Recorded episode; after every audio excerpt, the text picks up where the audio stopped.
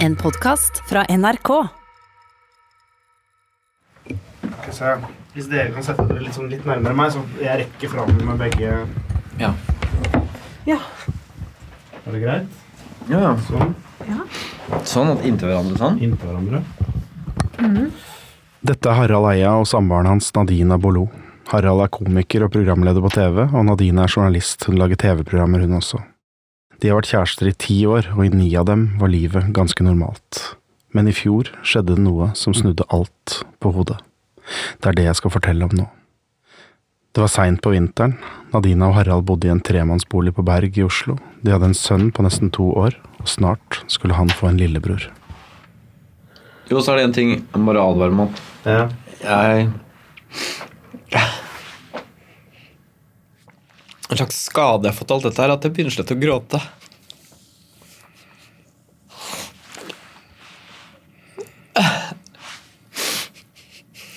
Akkurat som noe som ikke sant, har vært eh, i et krigsområde, det skvetter hver jævla gang det er noen som slenger igjen en dør, eller et eller annet som minner om et smell. da.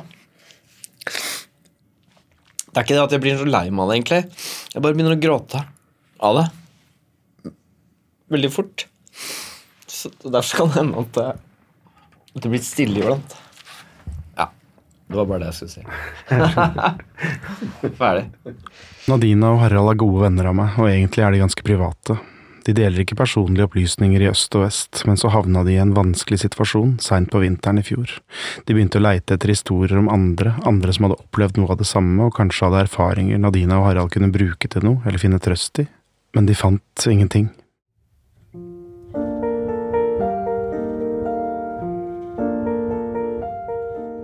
Derfor sitter de her nå med en dagbok liggende på bordet foran seg og forteller historien om en liten gutt som satte dype spor.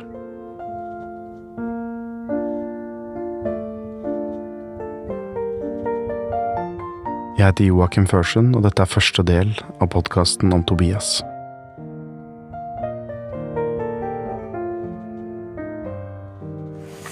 Jeg tok med den lille boka, Hvilken den boka? Fordi det er en sånn bok hvor du skriver en time hver dag.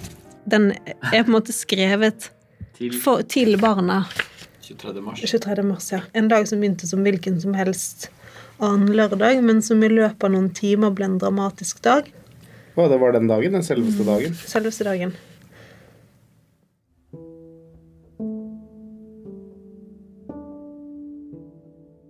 Jeg var våken først. Jeg var sto opp med han som da er, er nesten to år. Og så har jeg et uh, lite videoklipp på telefonen min som er fra rett før uh, alt endrer seg. Og det er at han har, har trilt, trilt trillen sin inn i stuen.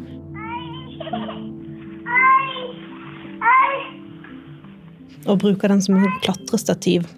Så han har klart å liksom manøvrere dem på et vis og, og klatre opp på det. Så det er liksom litt farlig og kjempegøy. Og det har jeg filmet.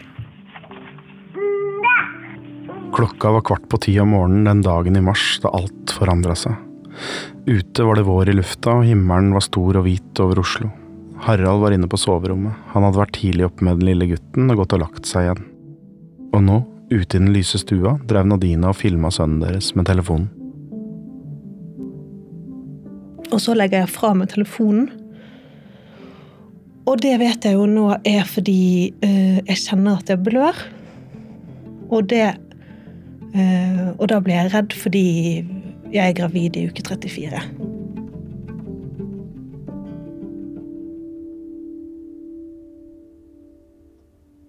Og da eh, ringer jeg til sykehuset, og så forteller jeg at jeg blør. Og så sier de trenger ikke å uroe deg for mye, for det skjer hele tiden. Eh, Du bør komme, men du trenger ikke sette på blålys på bilen, sier de. Ok. Husker du noe av den turen til sykehuset? Var det, var det dramatisk da? Dette var jo i mars. I hvert fall litt sånn grønnskjær langs veien, på de, det sånn, sånn som det er nå, at trærne er helt sånn grå og brune, og alt er helt bart, og så plutselig så får det det der bitte det der lille sånn, det lille grønnskjæret som kommer Våren begynner å komme. Ja. Trærne begynner å forandre farge. Og det er vakkert, og så er vi begge veldig pollenallergiske, så det er liksom vakkert og truende på samme tid når det grønnskjæret kommer. Så det, tror vi- det snakket vi om. Ja, Det sa sikkert 'jeg visste det gjør vondt når knoppa brister'. Ja, det sa du helt sikkert, for det sier du hvert år på den tiden. Karin Boye er veldig flott. Og parkerte vi på Det er jo to parkeringsplasser på Rikshospitalet. Den er litt billige. eh, Parkeringsplassen ligger litt langt unna. Og så er det luksusplassen, som vi kaller det, som er i kjelleretasjen på Rikshospitalet, og den er veldig dyr. Så vi tok den dyre luksusen. Det sier også noe at vi ikke hadde tenkt å være der så lenge. Det er sant, ja. Skulle innom og sjekke den blødningen og la bilen stå på luksus. Ja. ja, så kom vi på føden. Og da var det egentlig en sånn rutinesjekk. Eh, Det var en jordmor som, som så at jeg blødde. Men eh, hun gjorde sånn som de Jeg vet ikke, noen prosedyregreier med å putte en sånn dings på magen min for å måle fosterlyd. Barnets puls, egentlig. Og ser da at det er liv og røre i magen. Det kan vi også se på magen, for den beveger seg, og det er masse spark og liv og leven. Når du er gravid i uke 34, er det normalt halvannen måned etter fødselen. Barnet i magen er lite, men ikke så lite, 40 cm langt kanskje, og proporsjonene er ganske normale. Fingrene kan gripe ting, øynene åpner og lukker seg, barnet veit forskjell på natt og dag, og kjenner igjen stemmene til moren og faren sin. Det er et toalett der som Da vil vel hun se hvor mye jeg blør. Da går jeg inn der og skifter et bind, så hun ser det. Eh, Da drypper det på gulvet når jeg beveger meg inne på det toalettet. Så det er sånn at det blør sånn som når du har kuttet deg liksom med, med kniv i hånden, eller sånn at, eh, at du ser at det blir bloddråper på gulvet siden det blør såpass mye, så vil de sjekke det eh, skikkelig. Da blir vi mm, tatt videre til et annet eh, rom, eh, hvor det er en ultralydlege. Og han ser blant annet etter om, mm, om det er tegn på at fødselen er i gang. Altså om det er en for tidlig fødsel. At det er derfor jeg blør. Eh, Og det er det ikke. Og de, de ser ikke noe annet eh, spesielt inni magen der. Så da lander de på at det er en rift. Og det kan skje når man er gravid. Og når de egentlig har konkludert med at det ikke er noen ting galt, så er jo det bare sånn Jøss, dette var rart, men ok. Og så sier da jordmoren at jeg bare skal legge meg og, og slappe av, og at hun vil ha meg der en times tid, bare for å se at, den, at jeg slutter å blø.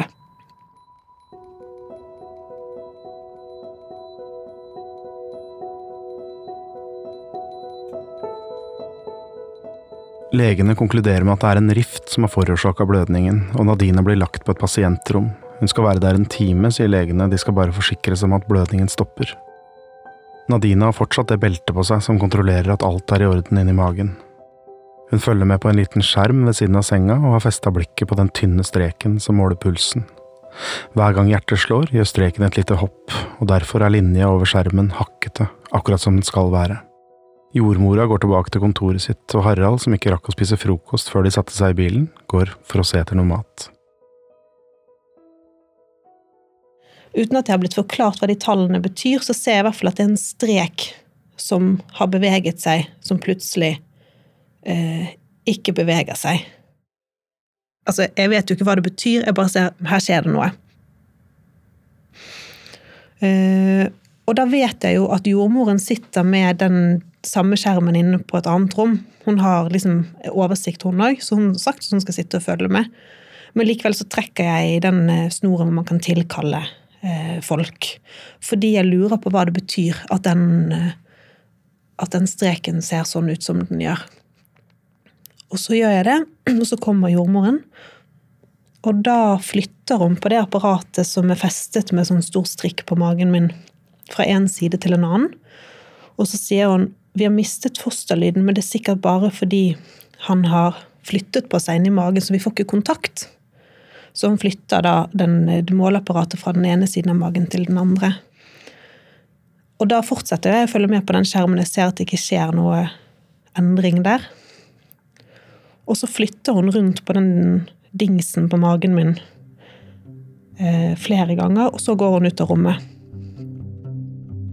S sier hun noe når hun går? Nei. Nei, går ganske, hun går ganske fort ut. Kommer hun tilbake med, eh, med to til. En til jordmor. Og den samme mannen som gjorde ultralydundersøkelsen, som er liksom i rommet ved siden av, som har tatt med seg et ultralydapparat.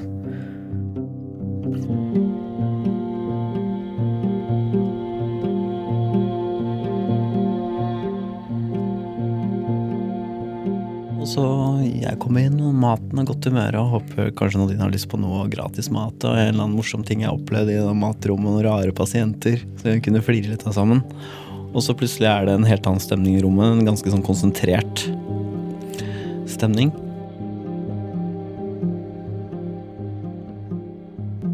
Du står bare der med det brettet, du. Nei, jeg står med det brettet. Jeg husker ikke hva jeg prøver å si og Nei, gjøre. du, du sier ingenting, fordi du er sånn, sengen La oss si at den er to meter, da, og så er det i hvert fall én meter bort til veggen, og inntil den veggen står du. Ja, Og de alle sammen er tett oppi meg. jeg vil ikke være i veien, egentlig. Nei. Uh, og, og de jobber ganske raskt. Og da, ja, da er det noe rask kommunikasjon mellom de tre menneskene der. Eh, så på et tidspunkt der så drar jeg henne til meg i armen, sånn at fjeset hennes må liksom kom, være vendt mot meg. Uh, og sier sånn Nå må noen forklare meg hva det er som foregår. Uh, og da sier hun det er ingen fosterlyd. Hvis ikke vi, finner, hvis ikke uh, vi finner den nå, så skal det barnet ut nå. Og så da spør jeg deg, hørte du det, Harald? Og så sier du nei, og så begynner de å løpe. Ja. Da, er det, da tar de tak i den sengen bak ryggen min og dytter den ut av rommet, og så løper de gjennom hele sykehuset. Kan du fortelle hvordan det var å stå igjen der da? Jeg, jeg blir med de første meterne. Jeg løper Husker det, for jeg spør hvor er, Harald? Ja. Jeg ser deg liksom ikke, men så ser jeg baki der at du løper med. Jeg løper sammen etter ti meter eller noe sånt. Nedover den gangen på sykehuset så stopper en sykepleier meg. Eller noen sier noen må ta seg av faren. Og så blir jeg stoppet. Hva tenkte du da? Nei. Ja, da tenkte jeg Nå åpner det seg liksom eh, eh, en avgrunn her. Nå vet jeg ikke hva som skjer. Mm, Den trygge grunnen man har stått på, og man har godt humør og flirer, og alt er bare liksom Det er litt skummelt, men dette går seg til. Det er jo Hva kan gå galt, liksom? Jeg står igjen, så ser jeg sengen til Nadina, og jeg ser at du er veldig redd. De trillet nedover korridoren. Jeg skjønner jo hva som skal skje. Jeg skjønner at de skal uh, operere, ta et keisersnitt. Da du ble trilla innover der, uh, hvordan opplevde du det, og hva skjedde? Um, jo, da, de løper jo Da de to jordmødrene dytter den sengen, og da løper de sånn at de løper så fort de kan. Det er ikke som at de går litt fort med den sengen gjennom korridorene. De løper for livet, virker det som. Det går veldig, veldig fort. Og så er det inn en dør, og det står allerede en mann og holder den døren åpen for meg. Jeg kommer inn i et rom. Et stort rom. En mor som har planlagt å ta keisersnitt, veit nøyaktig hva som skal skje når hun trilles inn på operasjonsrommet. Hun har kommet til sykehuset dagen i forveien, hun har snakka med leger og jordmødre og er så forberedt som det går an å være. Sånn er det ikke med Nadina. For en time siden sto hun hjemme og filma sønnen sin og ante fred og ingen fare, og det eneste hun veit nå, er at hun snart vil være bevisstløs, og at noen skal hente ut det lille barnet i magen hennes. Det er flere som løper forbi. Eh, leger og sykepleiere. Og så blir jeg ført tilbake til det rommet som Nadina var trillet ut fra. Og der står jeg igjen alene. Jeg går litt sånn rundt i rommet liksom et, som et dyr, egentlig. Bare går rundt og går og banner. Eh, jeg går og banner helt kontinuerlig, så blir jeg sånn tørr i munnen, så begynner jeg å spise maten. De fleste ville ikke hatt matlys, men jeg bare gafler i meg ris og kylling. Selv om jeg ikke har noe spytt i munnen, så må jeg bare gjøre et eller annet. Oppleves som at det er i hvert fall åtte mennesker der. Det er kanskje tolv, jeg husker ikke helt. det, det er i hvert fall sånn at det står eh, folk rundt hele den sengen jeg ligger på. At det er en som drar av meg buksen, en som drar av meg genseren, én som eh, Det er forskjellige ting som skal stikkes inn her og der. Er det sånn at du oppfatter noen ord eller setninger eller noe de sier til hverandre? Nei. Jeg tenker på om barnet lever.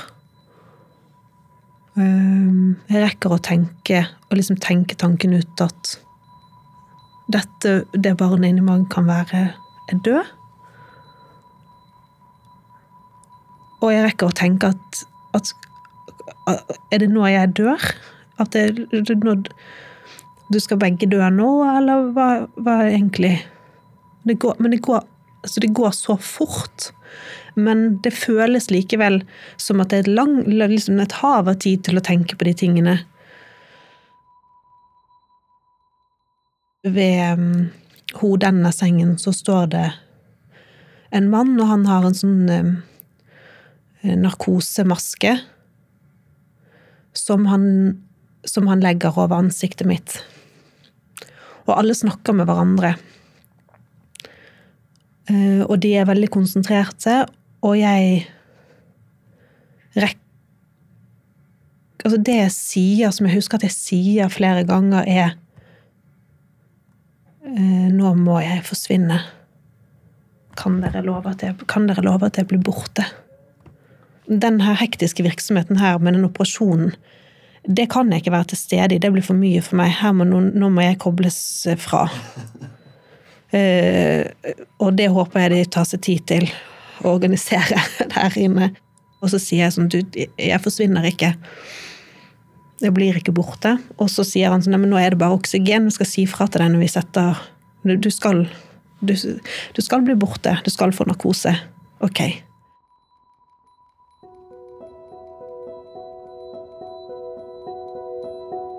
Tell fra igjen og oppover, eller noe sånt. Tror jeg han sier på et tidspunkt. Og da teller jeg et par tall, og så blir jeg borte.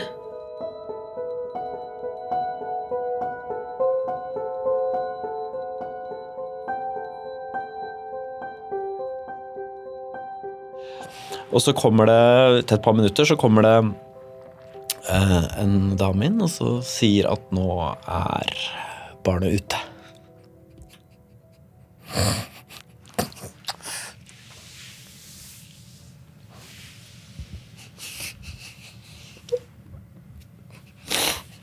Og så Og Nadina Det går fint med Nadina.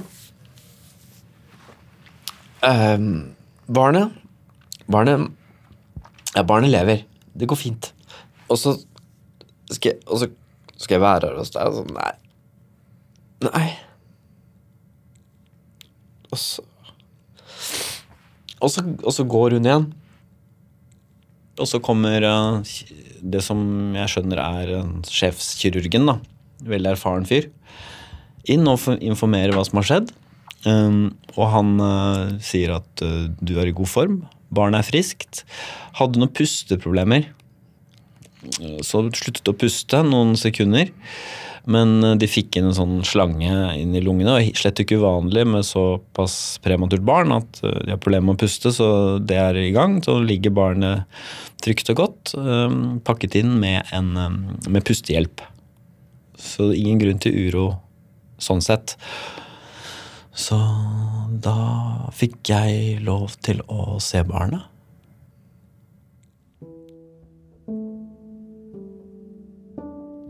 Klarer du å beskrive hvordan den, han så ut? Han er ganske liten, og så har han eh, en tube inn i munnen og en del andre slanger festet eh, under teppet. På kroppen ligger jo da i en, ikke en kuvøse, men en sånn eh, babyseng med en sånn varmeelement over. Jeg har ikke på seg noe klær, er naken, men har på et lite pledd. Um, så det går slanger ut og inn av, og så denne pustehjelpen. Hodet ligger litt til siden, så munnen er litt åpen, øynene igjen. Litt sånn mørkt, svart hår. Um, og så er det masse apparater. Uh, alt ser ganske stabilt og rolig ut. Jeg tør ikke gå helt inntil, fordi jeg føler at jeg er full av bakterier og ikke har lyst til å ta på dette barnet i det hele tatt, for det ser så, jeg tenker det er så skjørt. Jeg har sluttet å puste, så jeg er, jeg er ikke så høy i hatten. Så jeg ser på det kanskje i 20 sekunder og tar et bilde av det. Og noen flere bilder, og så, så sa jeg at da er jeg fornøyd med det. Det er jo bare i drømmeland, men jeg bare hører den at det er noe babl, og innimellom det bablet så hører jeg en kjent stemme som Harald sin. Og så etter hvert åpner jeg øynene, og da sitter du ved siden av sengen der.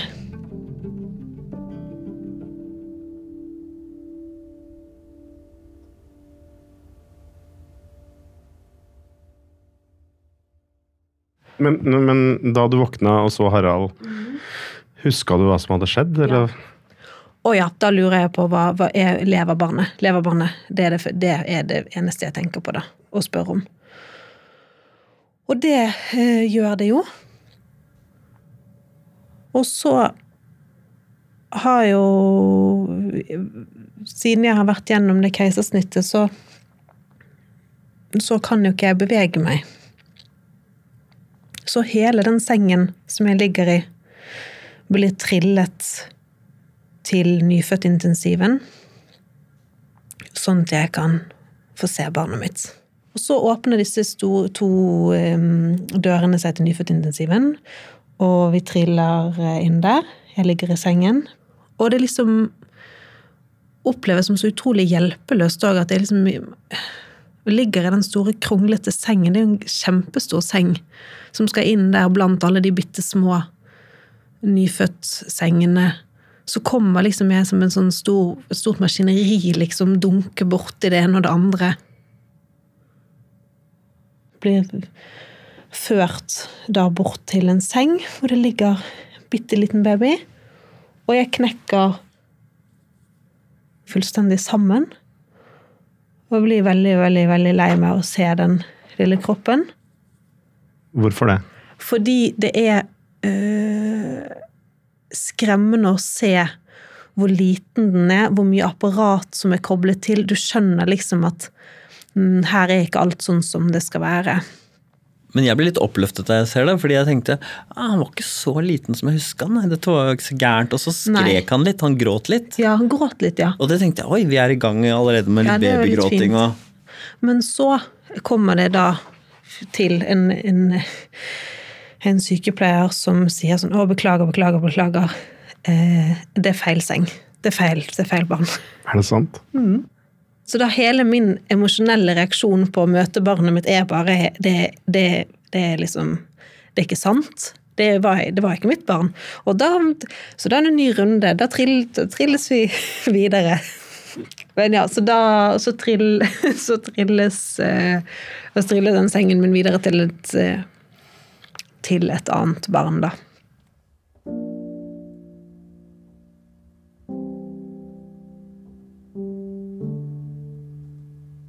Det er som at det, han ligger litt mer for seg selv. Og mange, De ligger jo på rad og rekke. Men det er som eh, at det hviler et eh, litt alvor og et litt ekstra alvor over den kroken hans. Ja, Så da er det jo en ny, runde med å knekke sammen der, da. Men det er jo òg det at eh, han er låst til sin seng, og jeg er låst til min seng. Jeg kan ikke bevege meg ut av den. Så det er en sånn avstand mellom oss som er helt unaturlig. Og det er øh, fryktelig vondt. Fysisk veldig, veldig, veldig vondt. Når det er fortvila at jeg ikke kan ta han opp, kose med han, holde han og sånn. Han var liksom nettopp helt sånn inni kroppen. Og så er han bare så utrolig langt unna. Det er jo et barn rett ved siden av, bare sånn tynn sånn forheng som henger på en stang. Så er det et annet barn der også. Da sitter mor i den stolen og gråter ved siden av det barnet. Ja, stemmer det.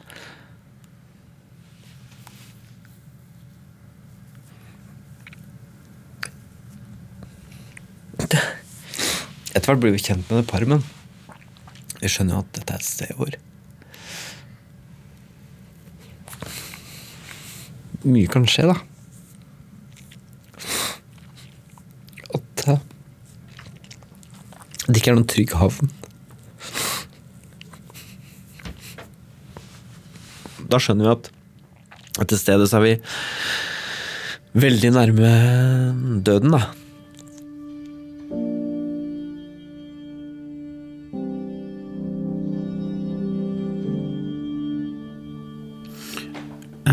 Hvorfor eh, het han Tobias? Hvorfor kalte han bort Tobias? Det var at du bare kom til oss, sånn som de iblant gjør, og så var det sånn Ja, det heter han, ja. Vi hadde nok vi følte litt mer på sånn tidspress med han enn det vi gjorde med storebroren. fordi det var, føltes viktig for oss at han ble en person og fikk et navn fort. Sånn at han ikke bare var liksom en sånn generell baby på nyfødtintensiven.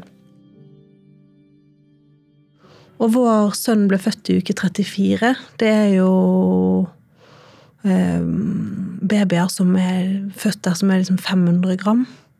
Som er født lenge, lenge, lenge før det. Og Tobias, hvor mye veide han? 2,1. Så det er ikke så verst. Nei, nei, så i seg selv, og det var det alle sa. De, kom, de, de hadde liksom lest hva som hadde skjedd, de- de sykepleierne eller jordmødrene som kom inn og var sånn Men han er så stor. Han er så stor og sterk, han der. Men, men betyr dette at eh, det var en slags sånn lettelse i At dere var litt letta, på en måte? Ja, da var det jo ikke noe grunn til uro utover det at han hadde hatt litt pusteproblemer da han ble født. Og så kommer um, sjefskirurgen for å fortelle om eh, det som har skjedd. Operasjonen har vært ualminnelig vellykket, eh, og at barnet kom ut. Så la han merke til at det var lite fostervann. Men han visste ikke om det i befippelsen, at de hadde stukket hull på på fosterhinnen, og dermed hadde det rent ut, men så vidt han kunne se var det ikke noe fostervann, så det var litt uh, underlig. Ja. Og så var det det at barnet sluttet å puste med en gang. Det var også overraskende. Uh, noe rart med det fostervannet, men det kunne ikke nødvendigvis være noe gærent. Nei, det var liksom sånn han grublet litt på det. Og hva den blødningen var også, grublet han litt på. Ja. Skjønte ikke det helt.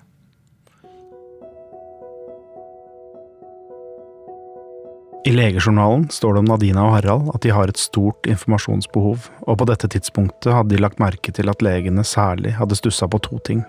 Fostervannet, som det vanligvis er mye av i uke 34, det var borte, og pusten, gutten pusta ikke da han ble født. Men så hadde de lagt merke til en ting til også. En av legene sa at hvis det var hans barn, så ville han ikke vært bekymra. Selv om han sa, han overlegen, at jeg hadde ikke vært bekymret hvis det var mitt barn, så var det heller selvfølgelig ingen som hadde sagt dette kommer til å gå bra. Og før den beskjeden kom, så senkte ikke jeg skuldrene i det, i det hele tatt. Jeg var helt utrolig redd. Og det, det, det brant i kroppen. Det var en sånn fysisk smerte som, som jeg tenker at, for, at Som jeg husker at jeg tenkte og sa til deg, tror jeg, så vondt som dette går det ikke an å ha det over tid. Siden jeg var redd for liksom hvordan det skulle gå, så, så tenkte jeg liksom at jeg skånte meg selv å ikke være for mye på nyfødtintensiven. At eh, jeg ikke orket å være der så lenge om gangen og sånn. Eh, og så heldigvis så turde jeg å si det til den ene sykepleieren som var der. At jeg sa sånn at kanskje det er best å ikke være her så mye hvis dette ikke går bra. Fordi da skåner jeg meg liksom for den smerten det vil være. Hvis jeg er her for mye, så er jeg redd for at jeg knytter meg for mye til det barnet. Um, og da sa hun at Og hun hadde jo jobbet der i veldig, veldig mange år. Og så sa hun ja, jeg har aldri, aldri, aldri møtt en mor som angrer på tiden hun har brukt sammen med barnet sitt. Uansett hvordan dette går. Og det var jo veldig klokt sagt. Og det var jo helt riktig, og det ga jo helt mening. Og det var så utrolig fint at Det var fint at jeg turde å si det jeg tenkte, så tidlig, sånn at hun fikk sagt det som var så klokt. For da kunne jeg jo bare være der hele tiden. Det var jo ikke noe å prøve å beskytte seg mot det som hadde skjedd hvis det skulle Uansett hvordan det skulle gå, så ville jo man aldri tenke sånn Uff, for en tabbe at du satt der ved den sengen den timen. Du ville jo aldri tenke det. Hva, hva gjorde du når du satt her, da? Satt og holdt en hånd, eksempel, oppå teppet, oppå liksom forsiktig på magen. Eh, sånn, ikke sånn at jeg hvilte hånden, for det følte jeg liksom det, at selv det ble for, liksom, for tungt. Men bare sånn en liten hånd, og så snakket med sykepleieren om ting. Sånn at han hørte stemmen min, kanskje jeg sang litt. Men veldig mye så bare satt jeg der. Det var jo Det er jo sånn når man har en nyfødt baby, at det er nok å sitte og se på babyen sin. Egentlig. Han, han så helt velskapt ut. Han var pen. Ja. Han var skikkelig fin.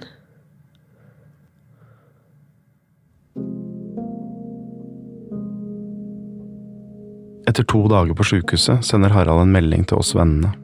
Vi hadde håpet at lungene skulle bli bedre i natt, skriver han, men det har ikke helt skjedd, så vi er ganske redde her vi sitter.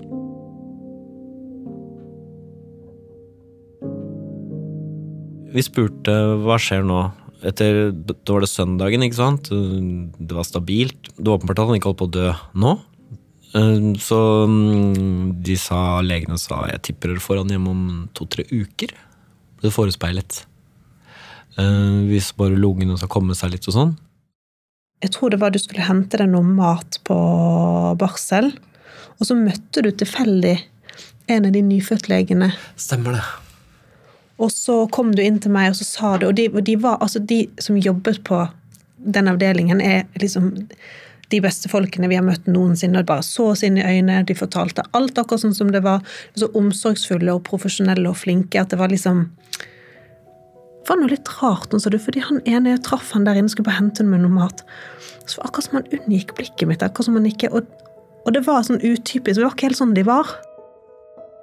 Kanskje var det tilfeldig at denne ene legen slo blikket ned da han møtte Harald i gangen den dagen, men det legen visste, som Harald ikke visste, var at legekollegiet på nyfødtintensiv avdeling snart kom til å innkalle Nadina og Harald til et møte, for nå visste legene hvorfor fostervannet var borte, og hvorfor Tobias ikke pusta da han ble født.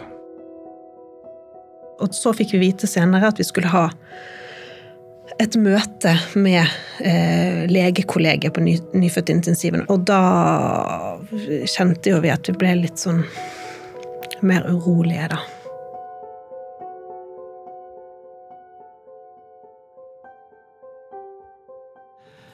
Vi er vel eh, Nadina og meg og tre stykker. Det er to overleger og en sykepleier. Alle er overleger, det er ingen vanlige leger. av en. Men så sier han setter vi oss ned, og vi ser jo at dette er eh, ikke noe de har lyst til å snakke om. Så vi sitter tett sammen og, mm, i sofaen der, mens de sitter i stoler. De er veldig hensynsfulle, og så, sier, eh, og så begynner vi. Og så tror jeg jeg spør veldig tidlig kommer han til å dø. Og så sier han Ikke akkurat nå. Ikke akkurat nå. Skal han dø? Vi skal jo alle dø, liksom. Når er det han skal dø? Jeg vet ikke. Han vet ikke. Men så forklarer han hva som er problemet. da. Som, hvilken sykdom han har. Han har enda en nyresykdom som er medfødt, som eh, gjør at nyrene ikke fungerer. Legene hadde stilt seg to spørsmål etter at Tobias ble født. Hvorfor var det ikke fostervann i livmoren, og hvorfor pusta han ikke? Nå hadde de svaret. Det var nyrene. De produserte ikke urin, og uten urin kan ikke kroppen lage fostervann. Og uten fostervann får ikke lungene utvikla seg. Gir dette noe mening, eller skjønner du noe av dette da? Ja. Du begynner å gråte. Og jeg blir helt sånn stiv. Jeg, jeg tror ikke jeg gråter da. Men jeg blir sånn redd og kald og varm og sånn. Ja. Og at jeg har lyst til å holde meg fast.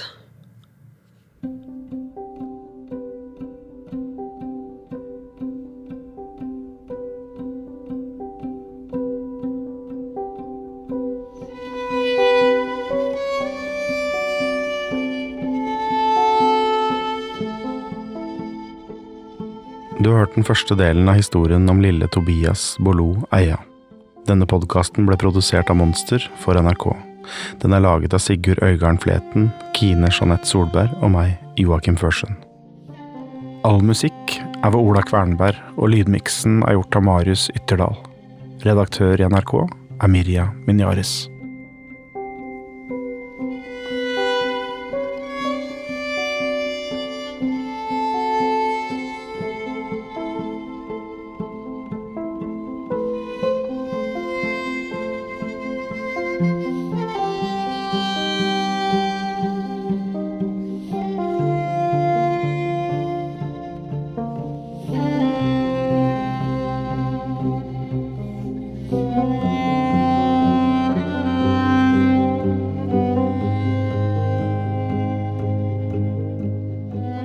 Hørt en podkast fra NRK.